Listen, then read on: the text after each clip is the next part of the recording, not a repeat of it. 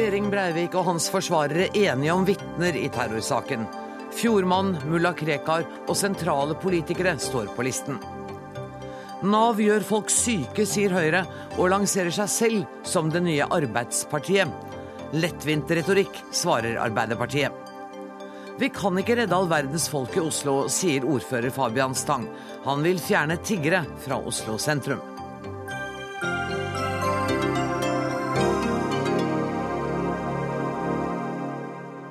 I løpet av sendinga skal vi også møte krimforfatterne Tom Egeland og Hans Olav Lahlum, som kommer med tips om hvem som er morderen.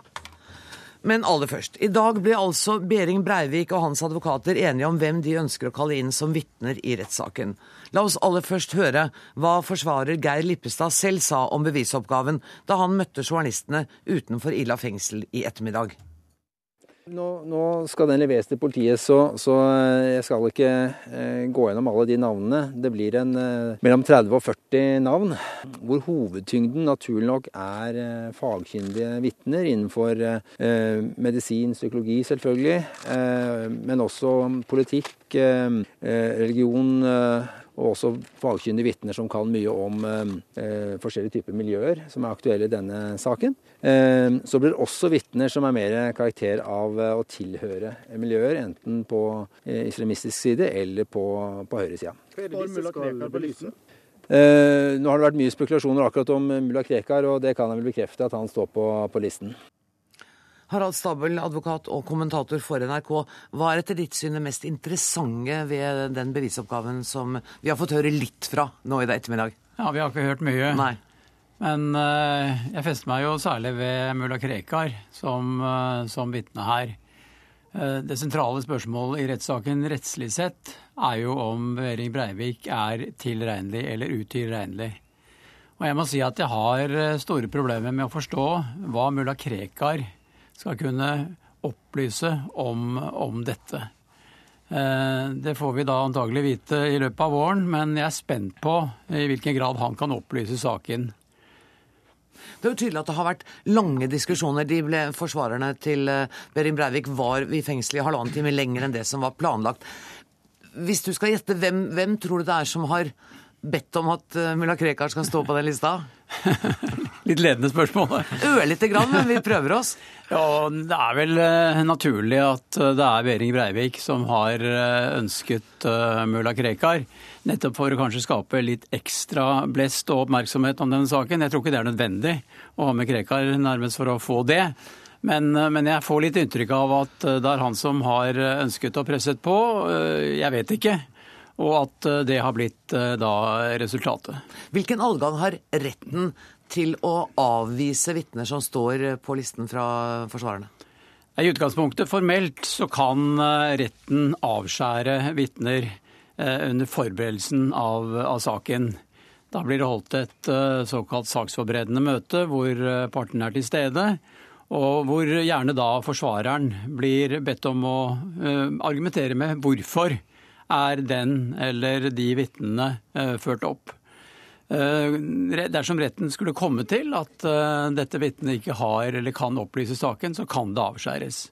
Jeg tror det er svært lite sannsynlig at det vil skje, i hvert fall i forkant av saken. Lista er høy, og så lenge man ligger innenfor eh, rammen av den tid som er satt av med, med vitnene, så eh, er jeg vel ganske sikker på at det ikke vil skje i forkant. Men så kan det jo under eh, rettsforhandlingene komme fram så mange opplysninger fra vitner og andre, andre bevis at når mulla Krekar kommer, så stiller retten seg kanskje igjen spørsmålet hva kan nå denne mulla Krekar opplyse om tilregnelighetsspørsmålet.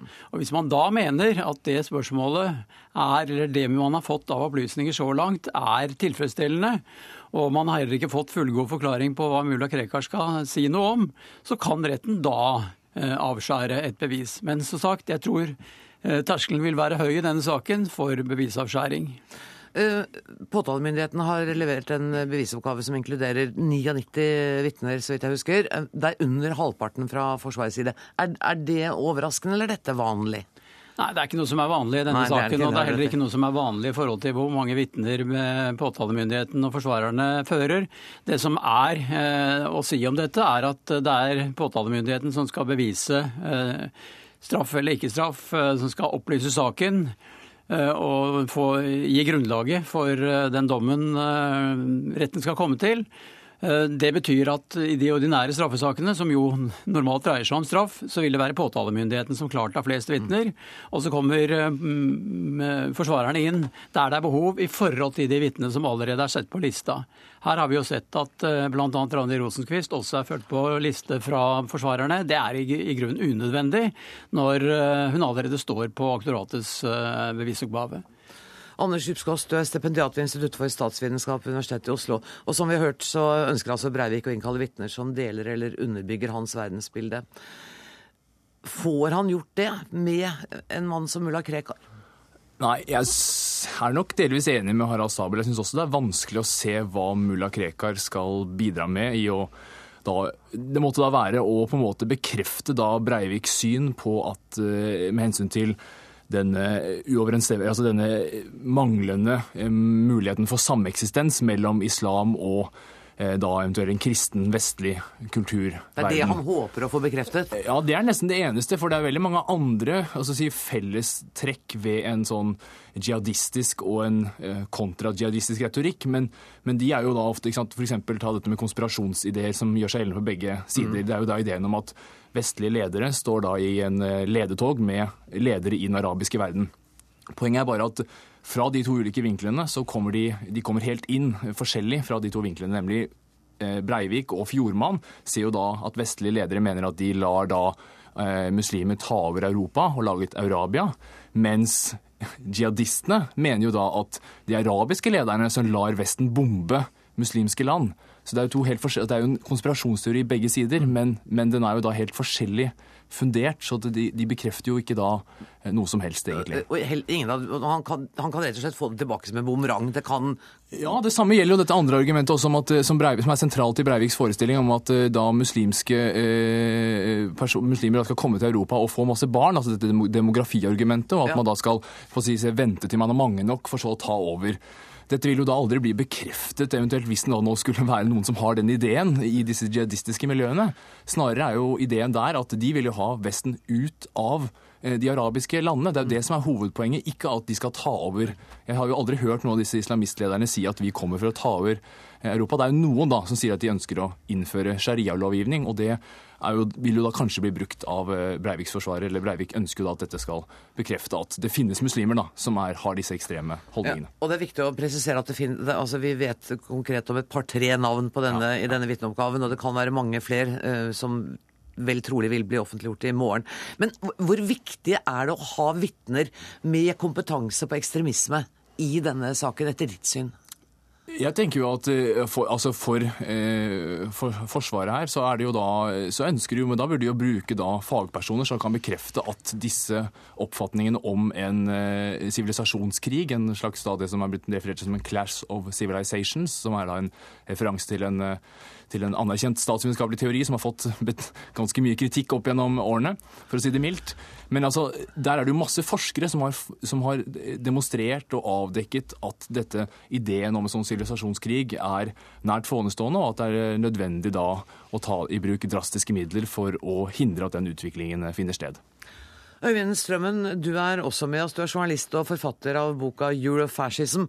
Eh, og rett før jeg gikk i studio, så fikk jeg se at eh, bistandsadvokatene også har sin eh, vitneliste, og på den står du. Var det overraskende? Nei, det har jeg jo visst om en stund. Så det, jeg ble ikke overrasket over det, sånn sett. Jeg så jo at de også hadde fått med seg folk et mer akademisk spisskompetanse enn det jeg har, og det syns jeg er viktig i den saken. Men eh, Hvordan ser du på den, at den sterkt eh, islamkritiske skribenten Fjordmann er kalt inn av Forsvaret som vitne? Personlig så syns jeg at det er bra at han blir kalt inn. Jeg tror at Fjordmann kan være med og belyse hvordan, hvordan denne saken faktisk dreier seg om mer enn bare en enkeltperson sin, sin galskap. Men jeg tror ikke det at de vil oppnå å kunne vise om Breivik er tilregnelig eller utilregnelig ved å kalle inn Fjordmann. fordi det er ikke nødvendigvis en motsetning mellom galskap på den ene sida og, og, politikk på den andre. Så hans vitnemål vil ikke være noe avgjørende tungen på vektskåla i spørsmålet om tilregnelighet eller utilregnelighet? Jeg kan ikke se at det kan være det. Eh, men det er klart eh, svært mange av eh, tekstene som Breivik inkluderte i dette såkalte manifestet sitt, er skrevet av Fjordmann. Mm. Og Derfor så syns jeg ikke det på noen måte er unaturlig at han blir innkalt som vitne. Tror du at Fjordmann kommer til å komme med uttalt støtte til Breivik i løpet av rettssaken? Nei, det regner jeg som usannsynlig at han skal komme med støtte til, til Breivik sine handlinger. Eh, men det er klart, her er det ikke bare spørsmål om handlinger. Her er det òg spørsmål om ideene som, som Breivik eh, da prøver å legitimere sine terrorhandlinger med. Eh, og der er det klart at en god del av de ideene er oppfatninger som er relativt gjengs i dette kontrajihadistiske miljøet. Harald Stabel, eh, har vi sett nå, når, nå er altså også bistandsadvokatene kommet med sin vitneliste, ni personer, eh, og når det da blir offentliggjort i morgen, vi får vite hvem som står på forsvarsadvokatenes, har vi da en total oversikt over hvem som skal vitne i den rettssaken? Nei, ikke nødvendigvis. Eh, det er tatt forbehold fra påtalemyndigheten eh, i forhold til å komme med nye eh, vitner, eventuelt trekke andre. Ut fra hvilken konklusjon vi nå får fra de nye oppnevnte sakkyndige. Der kan det bli forskyvninger i forhold til hva de kommer til. Både fra som sagt, eh, påtalemyndigheten, men kanskje også fra forsvarerne og eventuelt fra bistandsadvokater. Så vi vet ikke, det er ikke noe binding her at de vitnene som allerede nå er satt på bevisoppgaven, skal føres og at det ikke kan føres fler. Eh, det utvikler seg underveis, men vi får et, eh, en idé om rammen og antallet. Og, og, hvem det er, og eventuelt hva de skal si noe om. Det har vi jo fått. Eh, har du noen forestilling om hvor viktig tidsrammen på ti uker er? Den er et utgangspunkt som alle aktørene har akseptert for å få saken innenfor eh, denne rammen, og at det er og skal være tilstrekkelig i forhold til å belyse de spørsmål tiltalebeslutningen reiser. Men jeg er ganske sikker på at skulle man komme i en, en, tidsnød på noen av disse hovedpunktene, så vil retten ta høyde for det, og de vil ikke presse gjennom en, en ti uker hvis man ser at saken ikke er tilstrekkelig opplyst. Tusen takk skal du ha, advokat eh, Harald Stangele. Takk også til eh, Øyvind Strømmen, journalist og forfatter. Og takk også til eh, Anders Djupskås, som er forsker. Og inn i studio kommer Harald Stangele, politisk redaktør i Aftenposten. Du var kritisk til påtalemyndighetens vitneliste da den ble lagt fram for en tid tilbake. Hva er dine tanker om Forsvarets bevisoppgave? Ja, jeg syntes at påtalemaktas vitneliste var altfor snever. Mm. At den dreier seg, dreier seg bare om handlingene, og ikke det som kunne problematisere handlingene. Og jeg ser at både bistandsadvokatene og eh, forsvarerne i dag har utvida dette perspektivet. Det er viktig, for det betyr at vi får ei bredere sak, ei større sak. Og for samfunnet Norge så er det av avgjørende betydning. Vi har bare referert et par-tre av navnene fra denne bevisoppgaven. Har du flere? Eh, nei, det har jeg ikke. I hvert fall ikke så jeg har tenkt å referere. Men jeg ser på lista at eh, det er motekspertise til psykiatrien som til nå har, eh, har erklært Behring Breivik som utilregnelig. Og det er jo det dette rettslige slaget vil stå om. Fordi at eh, vi veit hva som har skjedd. Vi kjenner den nattsvarte tragedien som utspilte seg 22.07. Vi veit også hvem som gjorde det. Han har tilstått. Dette er ikke noe kriminalgåte eller mysterium. Det det står på, det er om han kan eh, regnes til ansvar for det han har gjort. Og Der syns jeg at eh, det er kommet inn flere vitner nå som vil balansere det nokså enkle bildet som eh, vi dessverre har sett med de to første sakkyndige. Mm. Og nå har vel eh, aktoratet også sagt at for dem har det ikke gått noen prestisje i saken med bakgrunn av i den første psykiatriske rapporten. De er åpne for at det kan bli, utfallet kan bli det ene eller det andre, altså tilregnelig eller utilregnelig. Ja, og da får vi jo ta de på alvor når de sier at det ikke er gått noe prestisje i dette.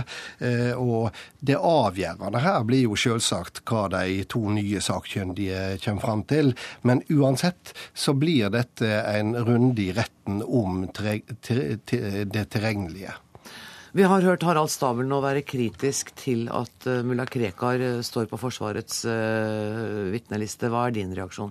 Ja, Jeg er for så vidt enig i det som eh, både Anders Djupskås og, og, Harald Stabel sa om det. Men jeg skjønner hvorfor eh, han er stevna. Fordi at det har jo sammenheng med at eh, de to første sakkyndige bruker hans veldig spesielle verdensbilde som et døme på at han ikke er tilregnelig. Og så vil da eh, forsvarerne eh, stevne noen som kan stadfeste beste dette dette krigsverdensbildet som Berit Breivik har eh, snakka seg og skrevet seg inn i. Når jeg er kritisk, så er det rett og slett fordi at det er ikke naudsynt å føre mulla Krekar som vitne på dette. Det er nok å legge boka hans og skriftlige kjelder på rettens bord, så vil de få fram akkurat det samme. Og så er det jo folk som er bekymret over at dette kan utvikle seg til et eh, sirkus. Ja, men de tror jeg undervurderer stramheten i en norsk rettsprosess. Fordi at det er ikke sånn at du kan bruke en norsk rettssal til eh, å holde flammende appeller eller, eh, eller drive show og sirkus. Det er stramme linjer, og det er en del av rettstryggleiken, og det er en del av vårt rettssystem. Og så pålegger det vel journalistene som dekker dette, et visst ansvar for å utvise nøkternhet og ikke bidra til at sirkuset starter i det øyeblikk folk er ute av rettssalen? Det er klart det. Eh, men der vil nok også eh, tryggingsforetakene eh, som nå har vært bygd opp i tinghuset, begrense den, den iveren som vi journalister ofte kan, kan ha i høve til interessante vitner. Gruer du deg til rettssaken? Ja, jeg gjør i grunnen det.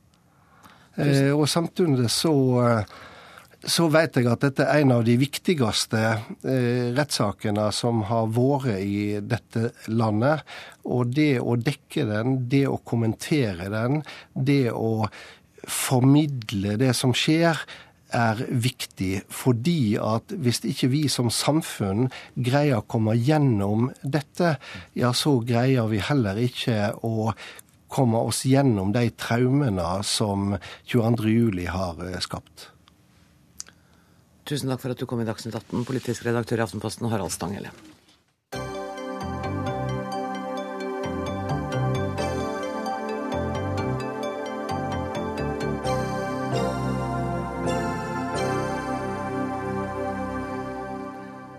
I dag ble det klart at Aung San Suu Kyi velges inn i nasjonalforsamlingen, og at partiet hennes vil fylle alle de 44 setene som var på valg i går. Og vi skal høre hva hun sa under pressekonferansen tidligere i dag. We hope that this will be the beginning of era where there will be more emphasis on the role of the people in the everyday politics of our country. Kristoffer Rønneberg, du er utenriksjournalist uten, skal, skal jeg prøve å liksom få diksjonen med meg? Utenriksjournalist i Aftenposten, og du var i Myanmar senest i oktober. Vi hører at Aung San Suu Kyi sier at håper at valgseieren betyr en tid der det blir lagt mer vekt på folket. Hvor sannsynlig er det at det skjer innen overskuelig framtid? Først og fremst så er eh, Aung San Suu Kyis eh, og NLDs eh, seier i, Myanmar den er veldig mm, symbolsk. Og det er, det er, ikke snakk om mer enn 43 plasser i nasjonalforsamlingen, som består av mange hundre mennesker. Ja, Over 1000, 1200 eller noe sånt? Ja, det er fryktelig mange. Ja. Et stort, stort, hus med mange mennesker. Så det er, det er, en symbolsk seier. Men symbolikk kan være viktig? Det kan være veldig viktig. Og, og det er ingen tvil om at Aung San Suu Kyi har en veldig spesiell plass i, i burmesernes hjerter. Og vi har sett det i valgkampen. Vi har sett hvordan folk har strømmet til for å ta imot henne hvor enn hun har reist. Mm. Så det er klart at for dem så er dette kjempeviktig. Men det som er utfordringen hennes nå, det er jo å få gjort om disse løftene og, og få gjort om det symbolet som hun er for folket, og gjøre, gjør om det til politikk som kan eh, hjelpe folket. Og så har hun jo vært avskåret fra aktivt politisk arbeid i mange år, selv om hun har vært et politisk ikon og, og hatt politisk betydning også mens hun satt i, i, husarrest. Så er det vel en overgang det der å skulle gå ut, møte folket og, og nå konfronteres med forventningene, tenker jeg. Ja, det er klart Hun har jo både folket, eh, folkets forventninger og en hel verdens forventninger på sine skuldre. Eh, og så blir hun jo ofte kalt den nye Mandela. Og det er klart Å ha det eh, liggende over seg, det, det, er jo ikke en liten utfordring for en, for en vever 66 år gammel kvinne som ikke har all verdens politiske erfaring utover det å ha, ha sittet fengslet og i husarrest. Turid Rogne, du har laget en dokumentarfilm om eh, Democratic Voice of Burma, og jobber i disse dager med en oppfølger. og Jeg hørte deg på radio i dag morges. og I hvilken grad syns du dette valget nå var en For det symbolvalget var en seier for demokratiet i Myanmar? Det er en seier for uh, mange vanlige folk som faktisk denne gangen har fått bruke stemmeretten sin uten at, den, uh, uten at stemmene deres har blitt fuska og manipulert i samme store omfang som det ble i 2010 f.eks. Og i Mandalay i går kveld f.eks.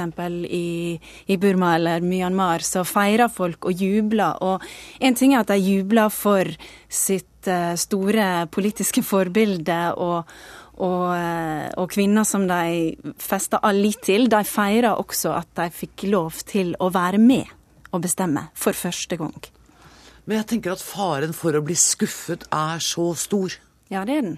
Og, Hun er et menneske. Ja, og det, og det ser en allerede i, i rapportene og uttalelsene fra vanlige folk på gateplan som, som, sier at de håper at nå som, som uh, uh, mor Su eller tante Su har kommet til makta, så skal min hverdag bli bedre. Mm. Og selvsagt så Det er iallfall noe som jeg er, er, litt urolig for. Hva skjer når den prosessen eh, for økonomisk bedring i eh, i landet ikke går fort nok for vanlige folk, da. Nettopp. Og ja. de har dårlig tid. Ja, altså det er klart Det er vanskelig å, å leve i et land eh, som, eh, som, Myanmar, fordi at de har hatt 50 år på å kjøre det i, i, i grøfta, rett og slett. Og det er, men, men det er en sterk økonomisk motivasjon blant vanlige folk. Og blant de som styrer nå, for alle ser at her må noe gjøres. Så jeg tror ikke at Aung San Suu Kyi blir helt alene om å prøve å gjøre hverdagen bedre for vanlige folk. Rønneberg. Ja, det er akkurat det at Hun er ikke alene. Hun, hun har jo uh, et, et, regime som uh, mot all formodning og, og, til alles overraskelse plutselig snudde. Det, det, da denne nasjonalforsamlingen ble dannet i 2010, så var det ingen som trodde at dette kom til å bety noe som helst. Og så plutselig har de gjennomført den ene reformen etter den andre. Og uh, Da jeg var der sist, så fikk jeg et interessant argument fra, fra en som, som bor i, i, Yangon, og som, som forstår seg på, på burmesisk politikk mye bedre enn hva hva jeg gjør. Han sa at dette dreier seg om helt enkel psykologi. De har fått kjeft i 50 år og, og har buret seg inne og, og nektet å, å, gjøre noe med saken. Og så plutselig har det skjedd noe. De har begynt med en positiv forandring, og så har de begynt å få ros. Og de elsker å få ros. Og de ser at det gir positive resultater. Det gjør at sanksjonene nå forsvinner én etter én. Dette valget vil helt sikkert føre til at enda flere sanksjoner forsvinner. Så de positive tilbakemeldingene de har en effekt som gjør at det baller på seg og går i enda mer positiv retning. Og den økonomiske oppgangen kan de nå begynne å se, bl.a. fordi at det åpnes for turisme, eh, også vestlig turisme, eh, og, og, vi blir oppfordret til å reise til Myanmar da. Og så kommer det nå også an på hvor raskt sanksjonene forsvinner nå, da. Fordi at uh, Er det ikke lovet at de skal forsvinne ganske fort, da? Um, lover og lover. Jeg tror, uh, jeg tror uh, kanskje ikke at det er gitt noe konkrete løfter om det, men at en stadig gitt stadig sterkere signal fra, fra EU, fra USA, om at, om at å lette lette på sanksjonene nærmest kan bli en slags premie for et vel gjennomført valg. Eh, der er nå allerede visse signal som kan tyde på det, men, men der er motstemme også. Slik at eh, jeg, jeg, tror nok at mange vil være forsiktige med å lette på det altfor fort. Det, det som er veldig positivt, som, eh, som, jeg, som, jeg, merket eh, den gangen jeg var der sist, var at de anerkjenner de utfordringene de står overfor når de nå skal utvikle landet. De ser at de er et veldig fattig land. De var en gang Sørøst-Asias rikeste land, og nå er de det, det, fattigste. Men de anerkjenner at det kan bli veldig vanskelig å, å, vokse så raskt som de ønsker det. Og Derfor så tar de jo inn eksperter fra, fra utlandet. Nå skal de ha en ny medialov. Da henter de inn uh, utenlandske medieeksperter i samarbeid med UNESCO, var det vel. Eh, og, og, det vil jo bidra til at man kanskje ikke får den voldsomme overgangen som kan gjøre at noen veldig få blir fryktelig rike, mens resten av befolkningen blir sittende igjen i gjørma. Her må man ta litt tid. Og så er det jo sånn at det har jo ikke gått helt knirkefritt dette valget heller. Det har jo vært noen humper i veien. Det har vært øh, valgovervåkere som har blitt utvist. Det har vært razziaer på hotellrom av journalister, har vi sett. Så de har jo et stykke igjen før det er uh, i orden. Helt klart. Og det handler for det første om at, at de på toppen ser ut til å, å, ha en ærlig vilje om å ville endre landet. Men nedover i partisystemet til regjeringspartiet f.eks., og, og ikke minst hæren altså Det fins krefter som en ikke skal ta for gitt at ønsker å gå den samme veien, og i alle fall ikke i det samme tempoet. Så, så f.eks. hæren er det mange burmesere som er usikre på hva egentlig mener nå. Eh, så, så det, er, det, er, mange usikkerhetsmoment i denne fasen her. Og så skal vi heller ikke glemme at uh, Myanmar er et land som har vært i kontinuerlig borgerkrig siden 1948, i, uh, hvor statsmakten har vært i, i, konflikt med veldig mange ulike etniske grupper som har sine små hærer, og som ikke er like villige alle sammen til å inngå våpenhvile eller fredsavtaler med, med, myndighetene. Og det må de også løse. Men vil dere likevel anbefale folk å reise dit for å se dette landet? Å ja. Absolutt. Tusen takk for at dere kom i studio, Turid Rogne og Kristoffer Rønneberg.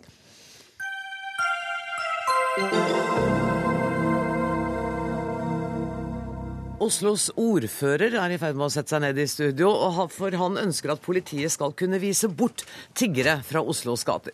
Løsgjengerparagrafen og tiggerforbudet ble fjernet for fem år siden, men nå ønsker altså du, Fabian Stang, at politiet igjen skal få anledning til å bortvise utenlandske tiggere på gata i Oslo. Vi har en tiggesituasjon i Oslo og en del andre byer i Norge som jeg mener er helt uholdbar. Jeg mener det er respektløst overfor de menneskene det gjelder, at noen skal eh, måtte fornedres til å sitte og tigge. Og jeg tror vi må løse det ved at politiet får en hjemmel til å bortvise, sånn at ikke flere kommer og utsettes for dette, denne elendigheten. Hva skal de bortvise dem til, da? Eh, nei, det, det, må man jo se på rent teknisk. Det man gjør da, er at man får en hjemmel til å bortvise. og da, eh, da, får man ikke lov til å tigge der hvor det er attraktivt å tigge. og Dermed så blir det mindre attraktivt å tigge. Så kommer det færre.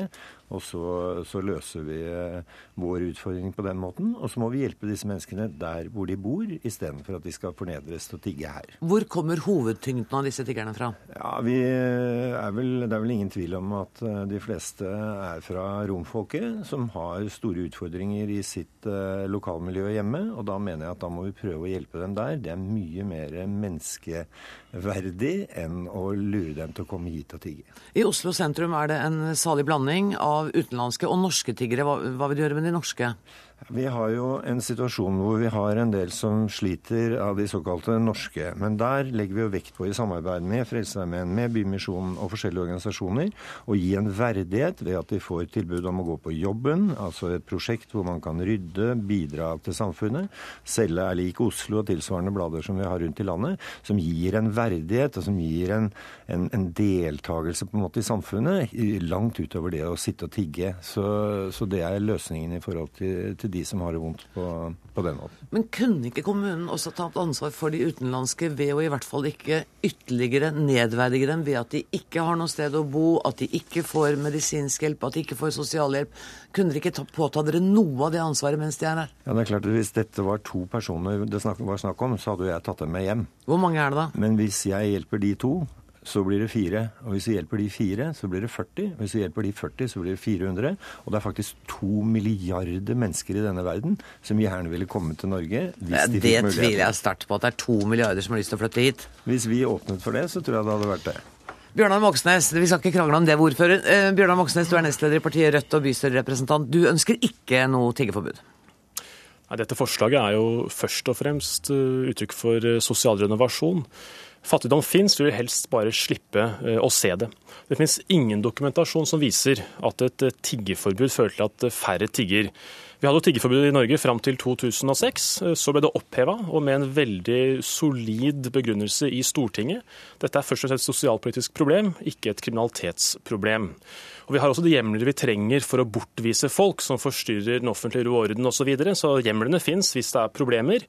Men tiggeforbud eh, det er tilbake til Eh, en, en, holdning til fattigfolk som jeg trodde var borte i Høyre, men som åpenbart Fabian Stang fortsatt har, har, inne, og som ikke vil ha noen effekt i forhold til problemet at folk er fattige og tigger for å få råd til å få mat i magen. Kan ikke jeg bare få gå tilbake til, for Du sa i en liten bisending at dette ikke var noe kriminalitetsproblem. Så vidt jeg husker så vil politiet vel være uenig med deg her, fordi at det er eh, påvist at en del av innbruddene er foretatt av bander fra Romania. Det var et seminar eh, i regi av bystyret forrige uke om tigginga i Oslo. Og alle utenom politiet var enige om at et forbud eh, ikke er veien å gå. Hvis han virkelig mener noe om det at vi har kriminelle bander som kommer fra Øst-Europa til Norge, så må man kanskje heller se på det frie markedet eh, og på EØS-avtalen, framfor å skulle innføre et tiggeforbud i Oslo. Poenget vårt er at det vil ikke ha noe effekt. Det vil tvert imot eh, stigmatisere eh, fattige romfolk ytterligere. Men vil de ikke la være å komme hit, da? Hvis, de, hvis det ryktet sprer seg om at i Oslo får du ikke tigge? Var det tiggere i Oslo før 06? Det var kanskje færre? Det var, det var ganske mange i Oslo før 06 ja, også. Vi, vi, har hatt mange, mange, tiggere, men da angriper vi problemet, ved, eller utfordringen, ved å gi et tilbud til narkomane som har slitt, prøve å, å løse den veien. I forhold til romfolket så er jeg den uh, oppfatning at hvis vi skal hjelpe dem, så må vi hjelpe dem hjemme. Og nå bruker Norge 2,3 milliarder kroner i Romania, med særlig fokus på romfolket.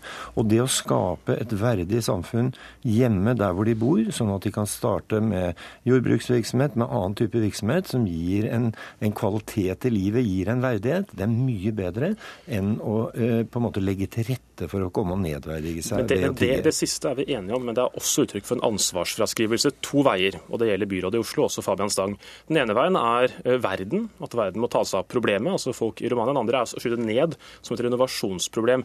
Rusken, Rusken har ansvaret for dette såkalte problemet i Oslo. Jeg husker at vi tok opp en sak i høst for da rykka russken-general Jan Hauger ut og sa at, eh, at romfolk i Oslo de spiser hunder og rotter. Ja, nå, nå er ikke han i studio og kan ikke forsvare seg mot det. Jeg har ikke mulighet til å korrigere det, det hvis dette er feil. Det, det, tok vi opp i bystyret uh, kraftig med, med, kritikk av det. Han ble altså forsvart av Fabian Stang. Det er en, ten, en tendens, et uttrykk for en holdning til romfolk uh, som vi er uenig i. Og det er også en politikk som ikke vil ha noen beviselig effekt for å få færre tiggere i Oslo. Men, men kan du være enig med Fabian Stang i at det er fornuftig å hjelpe romfolket der de bor, og, og ha målrettet økonomisk innsats på de områdene der hvor de bor i sin hjemland? Absolutt. Ja. Og det er vi helt enige om. Vi er mot å forby dem å tigge i Oslo, som Fabian Stang da tydeligvis er for. Det har ingen effekt, det er kun sosial renovasjon. Jeg er glad for selv en liten enighet, jeg, merker jeg. Uh, Bjørnulf Evenrud, du er en del av et nokså nyoppstartet organisasjon som heter Folk er folk, som prøver å hjelpe fattige tiggere, f.eks. fra Romania. Hva er det dere reagerer på i hvordan disse blir møtt i Norge? Nei, vi reagerer på at de blir ikke behandla som folk, rett og slett. Det er derfor vi også heter Folk er folk. Men hvem er det som ikke behandler dem som folk? Er det deg og meg og alle, eller er det bare politikerne? Nei, det er i stor grad Oslo kommune. Eh, det ble igangsatt et, en systematisk trakassering av eh, disse menneskene eh, for noen år siden. Det såkalte samarbeidet mellom ruskene og politiet hvor de eh, reiser rundt, har egne team som reiser rundt og leter etter madrasser, soveposer, tepper osv. Det går rett i søpla. Gamle, dager, dam, gamle, damer ligger under bruer og sover i Oslo midt på vinteren. Sitter ute på gata og tigger for å få penger til seg og sin familie. Til helt nødvendige ting hjemme i Romania. Kommer tilbake til hjemmet under brua. Alt er kasta, alle dører er stengt. Hva konkret gjør dere? Vi sprer informasjon. Vi driver folkeopplysning både overfor uh, Oslos befolkning, fordi det er spredd veldig mye løgner og, og fordommer om disse menneskene. Vi driver folkeopplysning mo, overfor uh, de som er her, rumenerne, om hva slags rettigheter og plikter de har. Uh, og vi hjelper dem konkret med praktiske problemer. Johannes Heggeland, det høres nesten ut som det samme som dere gjør i Kirkens Bymisjon. Du er konstituert generalsekretær der nå. Hva tenker dere om å bortvise tiggere? Vi har, vi har, sagt lenge at det å bruke politi for å forby sosiale problemer, det er en dårlig innfallsvinkel. Vi har jo åpna noen av våre tilbud for tilreisende som tigger på gata i Oslo, og, og ser at det handler i all, all hovedsak om fattigdom, stigmatisering og hardt diskriminerte mennesker. Vi må huske på at vi har et Europa som er, der fattigdommen er på det verste ganske hjerteskjærende, og der vi er en del av dette Europa. Men og her snakker vi jo ikke om innvandring eller asylsøkere, for dette er vel i, i hovedsak en gruppe mennesker som kommer på turistvisum, er det ikke det? Ja, det er i hovedsak mennesker som er her på tre måneders turistvisum. I Romania er jo også som nytt EU-land med i en overgangsordning som gjør at mennesker fra Romania har liten adgang til å søke jobb på det norske arbeidsmarkedet. Det gjør også at en, er, at en har færre muligheter, færre rettigheter enn en del andre europeere i Norge. Har dere sett at det har økt dramatisk med antall tiggerturister de siste, den siste tida? Altså, spørs hvor langt tilbake en ser. Vi ser ikke noe dramatisk økning i år eller i fjor, men, men, men det er klart det varierer gjennom året. Dette, det ligger i sakens kjerne at dette handler om mobilitet. Så folk kommer og drar, og det er selvfølgelig flere om sommeren enn på vinteren. Det, det er lettere å reise, og det er lettere å bo i Oslo ute om sommeren enn på vinteren. Men, eh, men vi møter jo mennesker hele året som er i den situasjonen, og som og som vi syns òg flere medier i det siste har bekrefta, så handler det altså mest om, eh, om fattigdom. Og, og, da en bortvisningspolitikk på det, en forbudspolitikk, tror vi kan skjule noen symptomer, men vi tror ingen får hjelp av den eh, politikken. Ordfører, du får ikke politisk støtte fra Rødt, det var ikke noe særlig overraskende. Eh, men du får heller ikke støtte fra de som arbeider tett på denne gruppen mennesker. Ja, de som arbeider tett på, de gjør jo sin jobb. Kirkens Bymisjon gjør en kjempejobb og skal gjøre sin jobb i forhold til de som er her og sliter. Det som er min oppgave, det er å prøve å være med på å få et system hvor man ikke kommer til Norge for å tigge fordi man har det bedre og bedre hjemme. Jo, det skjønner jeg, men Er det av hensyn til dem først og fremst, eller er det av hensyn til meg som liker å gå søndagsturen min uten å bli forstyrret av tiggere? Det nei, nei altså det, det, det, er ikke så farlig. Men jeg, jeg syns synd på disse menneskene som trekkes hit til et fornedrende liv. Men man må være, må være nøye på én ting. Det er veldig mange som kommer fra Romania som ikke tigger. Veldig mye øh, øh, mennesker som øh, jobber her, studerer her. og og som, som ikke, eh, ikke, har noen problemer, så da må vi skille. Men det er noen eh, som da, ved at vi legger forholdene for godt til rette, vil fristes til å komme hit. Og da på en måte inviterer vi inn til et fornedrende liv. Det har du altså ingen dokumentasjon på. Det er din påstand, og det er helt greit. Faktum er at Kirkens Bymisjon gjør den jobben som Oslo kommune burde gjort. For kommunen som Fabian Stang styrer, nekter jo å gi romfolket et tilbud om, om overnatting og å få seg en dusj for å gå på do. Og så gjør folk fra seg da, uh, utendørs. Og da har du det ikke sant, som et problem med en gang. Så det er en politikk som forsterker uh, oppfatningen som er negativ av romfolk i utgangspunktet, fordi kommunen og Farmanstang nekter å gi dem et verdig tilbud. Da må i stedet Bymisjonen gjøre det. Og Det er veldig bra at Bymisjonen gjør det, at folk, folk gjør det, men det her burde kommunen ta et ansvar for å sikre en verdig politikk overfor romfolket. Det signalet tror jeg vi har oppfattet. Men, men Stang, er det slik at det kommer til å komme eh, et forbud mot uh, tigging, eller en mulighet for politiet til å bortvise utenlandske tiggere? Ja, jeg syns i hvert fall det er riktig at vi tar den diskusjonen. og Vi må ture å ta den diskusjonen. Jeg gjør dette av hensyn til disse menneskene, som jeg syns synd på. Eh, og jeg tror at de får det bedre hvis vi hjelper dem hjemme. Og så tror jeg at flere og flere nå begynner å forstå uh, alvoret i dette, omfanget av det, hvor mange mennesker ja, Hvor mange er det da? Det jeg tror vi til sommeren, hvis vi ikke gjør noe, får se ekstremt mange som kommer hit, som blir lurt hit ved at de får beskjed fra folk som har vært der før, om at der kan du reise, der vil du få en seng, der vil du få mat. Uh, forholdene er lagt til rette for tigging. At vi, at vi på en måte oppfordrer dem til å tigge. Heggeland, vet vi noe tall? Altså, ordføreren sier vi kan vente oss ekstremt mange. Jeg vet ikke hva ekstremt mange er. Nei, det, det, jeg har ikke noe tall, men jeg tror heller ikke det vi snakker om ekstremt eh, mange. Altså Det vi måtte inn over oss, det er at alternativet til det som ordføreren kaller å fornedre seg selv her, er jo ikke nødvendigvis et bedre alternativ. Og vi er helt enige om, alle vi som sitter her, helt sikkert at det å løse problemer her først og fremst handler om å løse det på et europeisk nivå, et internasjonalt nivå. Det fritar ikke oss for uh, vår humanitære forpliktelse. Og vi må også se at Europa dessverre i en rekke land har en sterkt voksende rasisme direkte overfor rombefolkning, og, og, og levekårene er ekstremt vanskelige. Så det er her må en velge mellom ulike situasjoner som alle er, er negative, og derfor må vi gjøre det best mulig. Og dere må snakke enda mer sammen, det tenker jeg. Og det, dette studioet står gjerne til disposisjon. Tusen takk til ordfører Fabian Stang, til Bjørnar Moxnes fra Rødt, Johannes Heggeland fra Kirkens Bymisjon og Bjørnulf Evenrud fra Folk er folk. Dagsnytt 18 alle hverdager klokka 18.03 på NRK P2.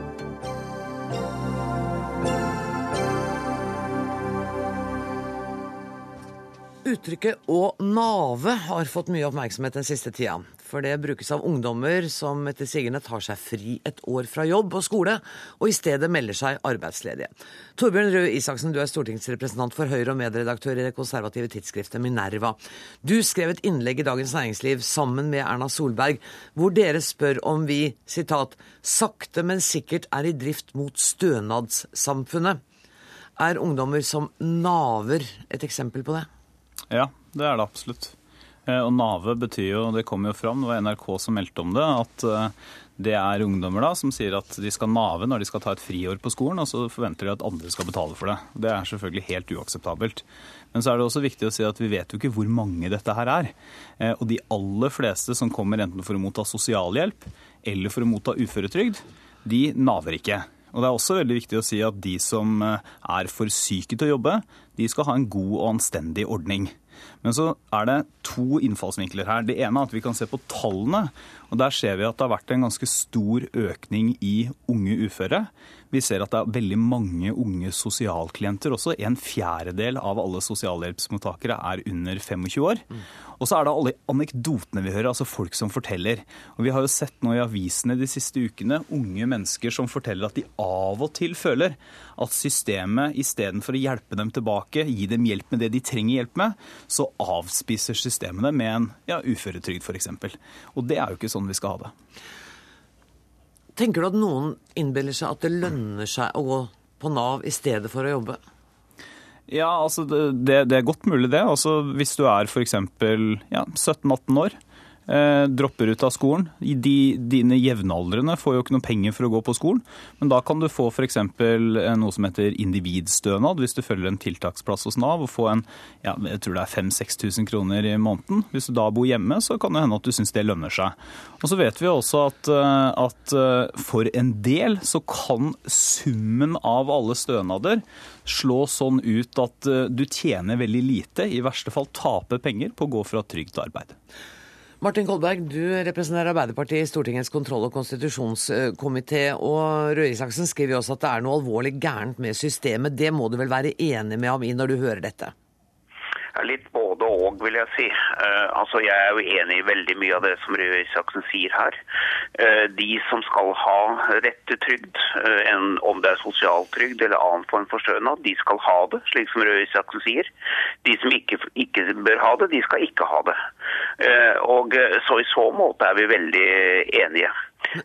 Jeg tror også at unge mennesker i sin alminnelighet er veldig seriøse. Det tror jeg vi er også enige om.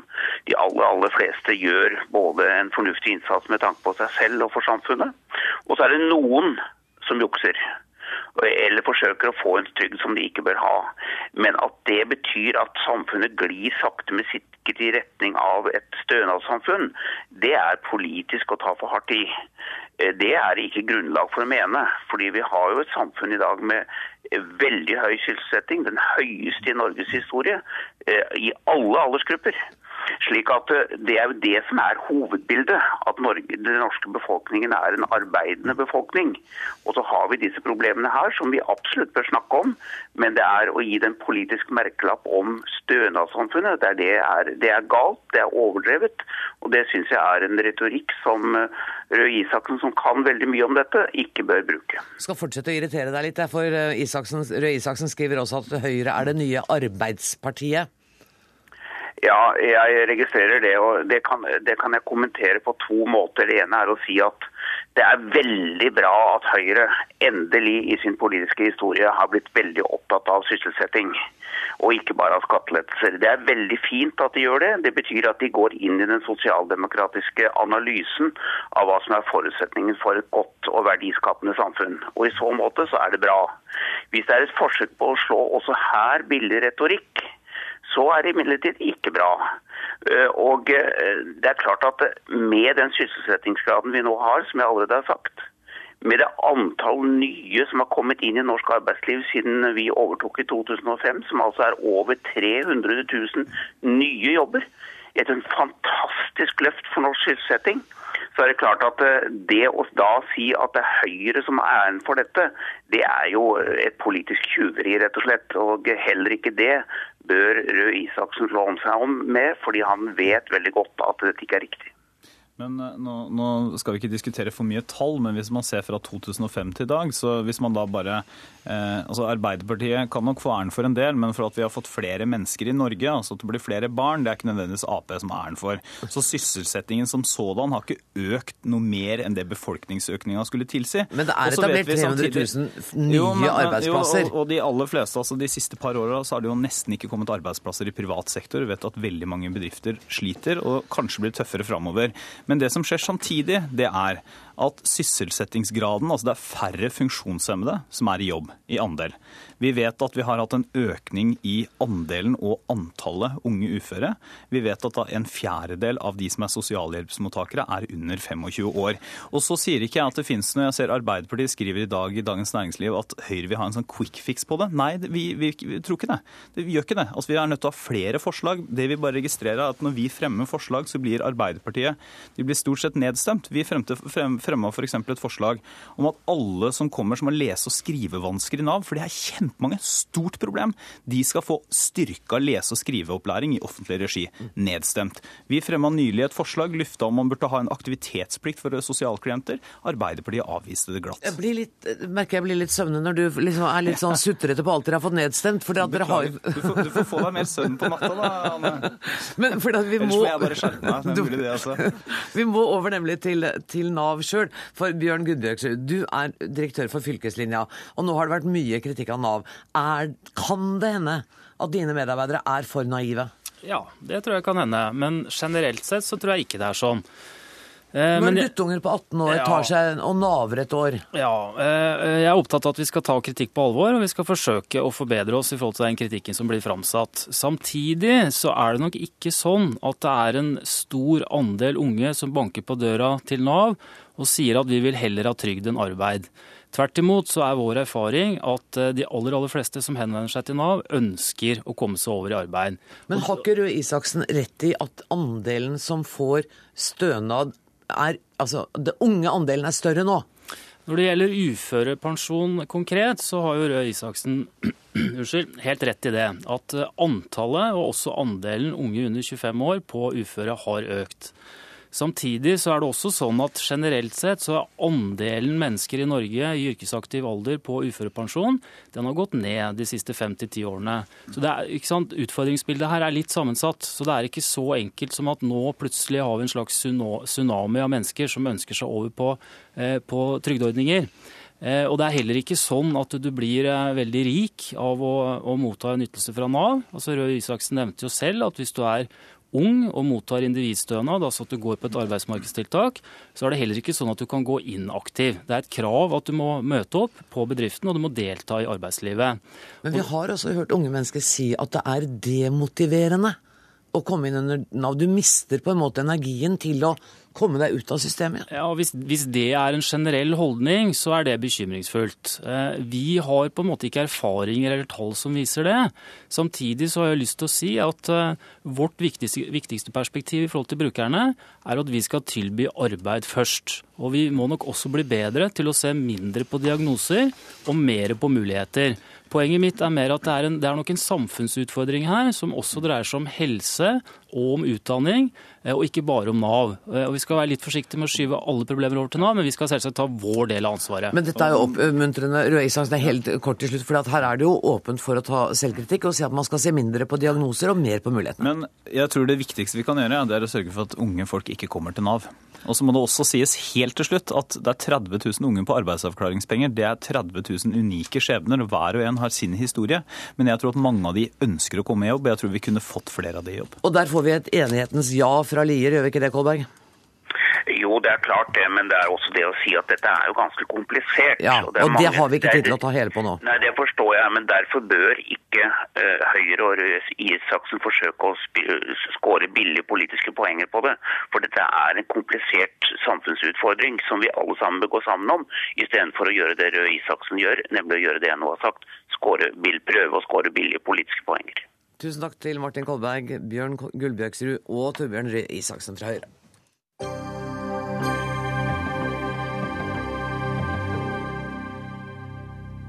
Nesten annenhver nordmann mener at påsken ikke blir det samme uten en skikkelig krim. Det viser en fersk undersøkelse fra Infact.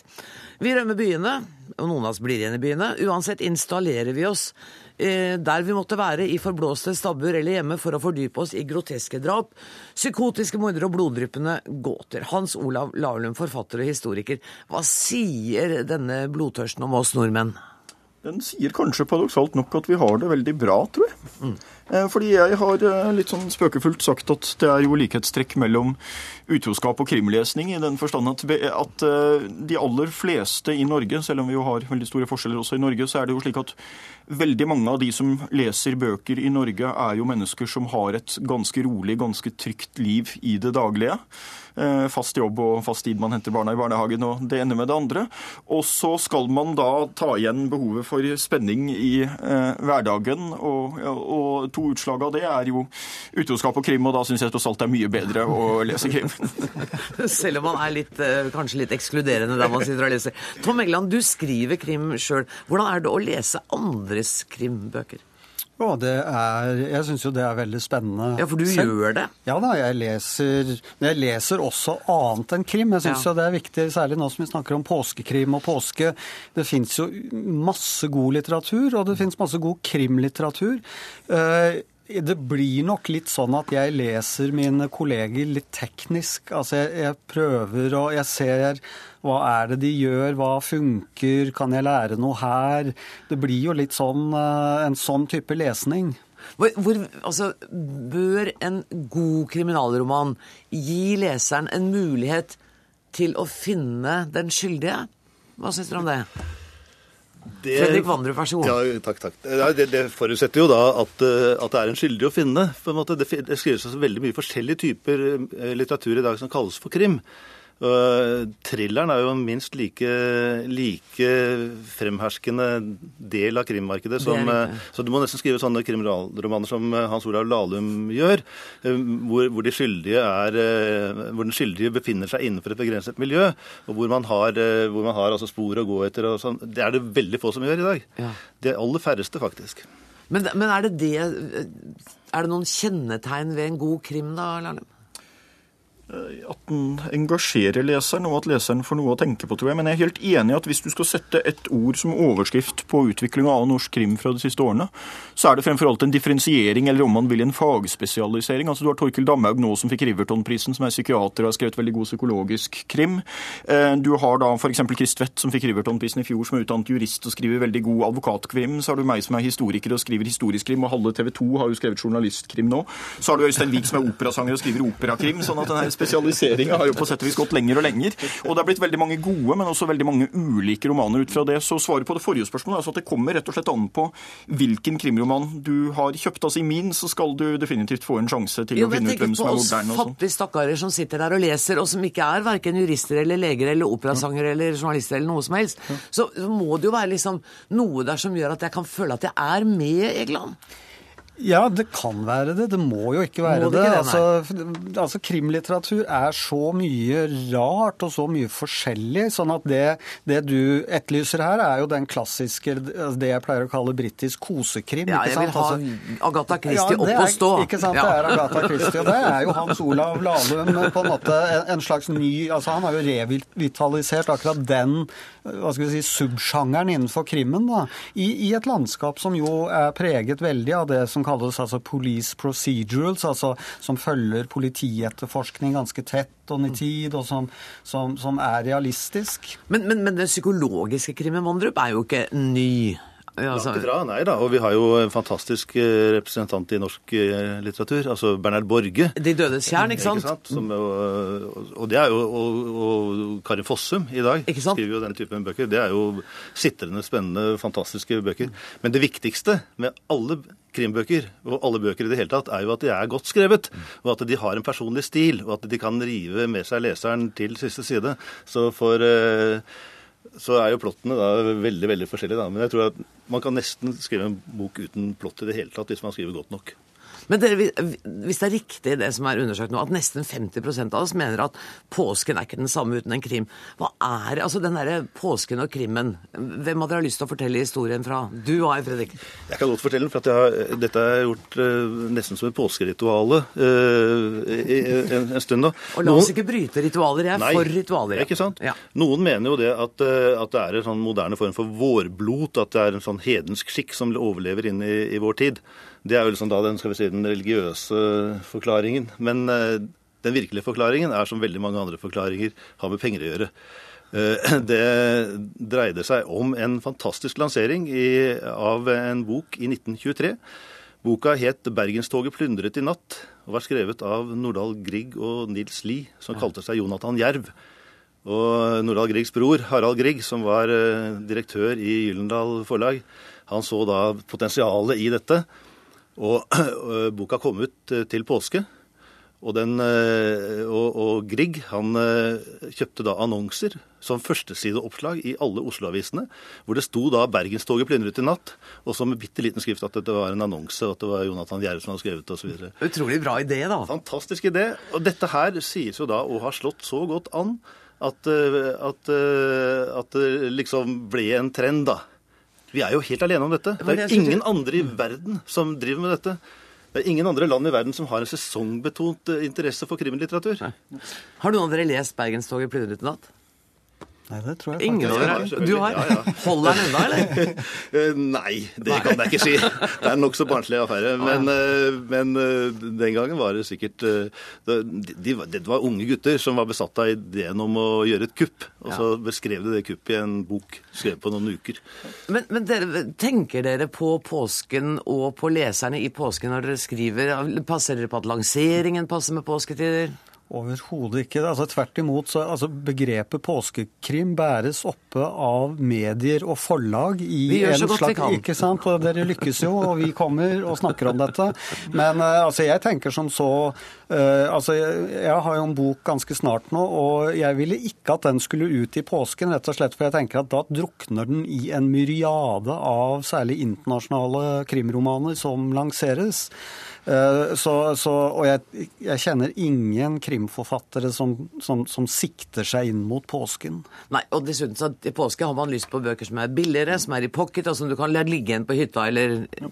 Hvis du ser på listene nå, så preges priset faktisk litt av det at veldig mye av den krimmen som leses til påske nå, er egentlig pocketbøker av bøker som har kommet tidligere og gjort det bra.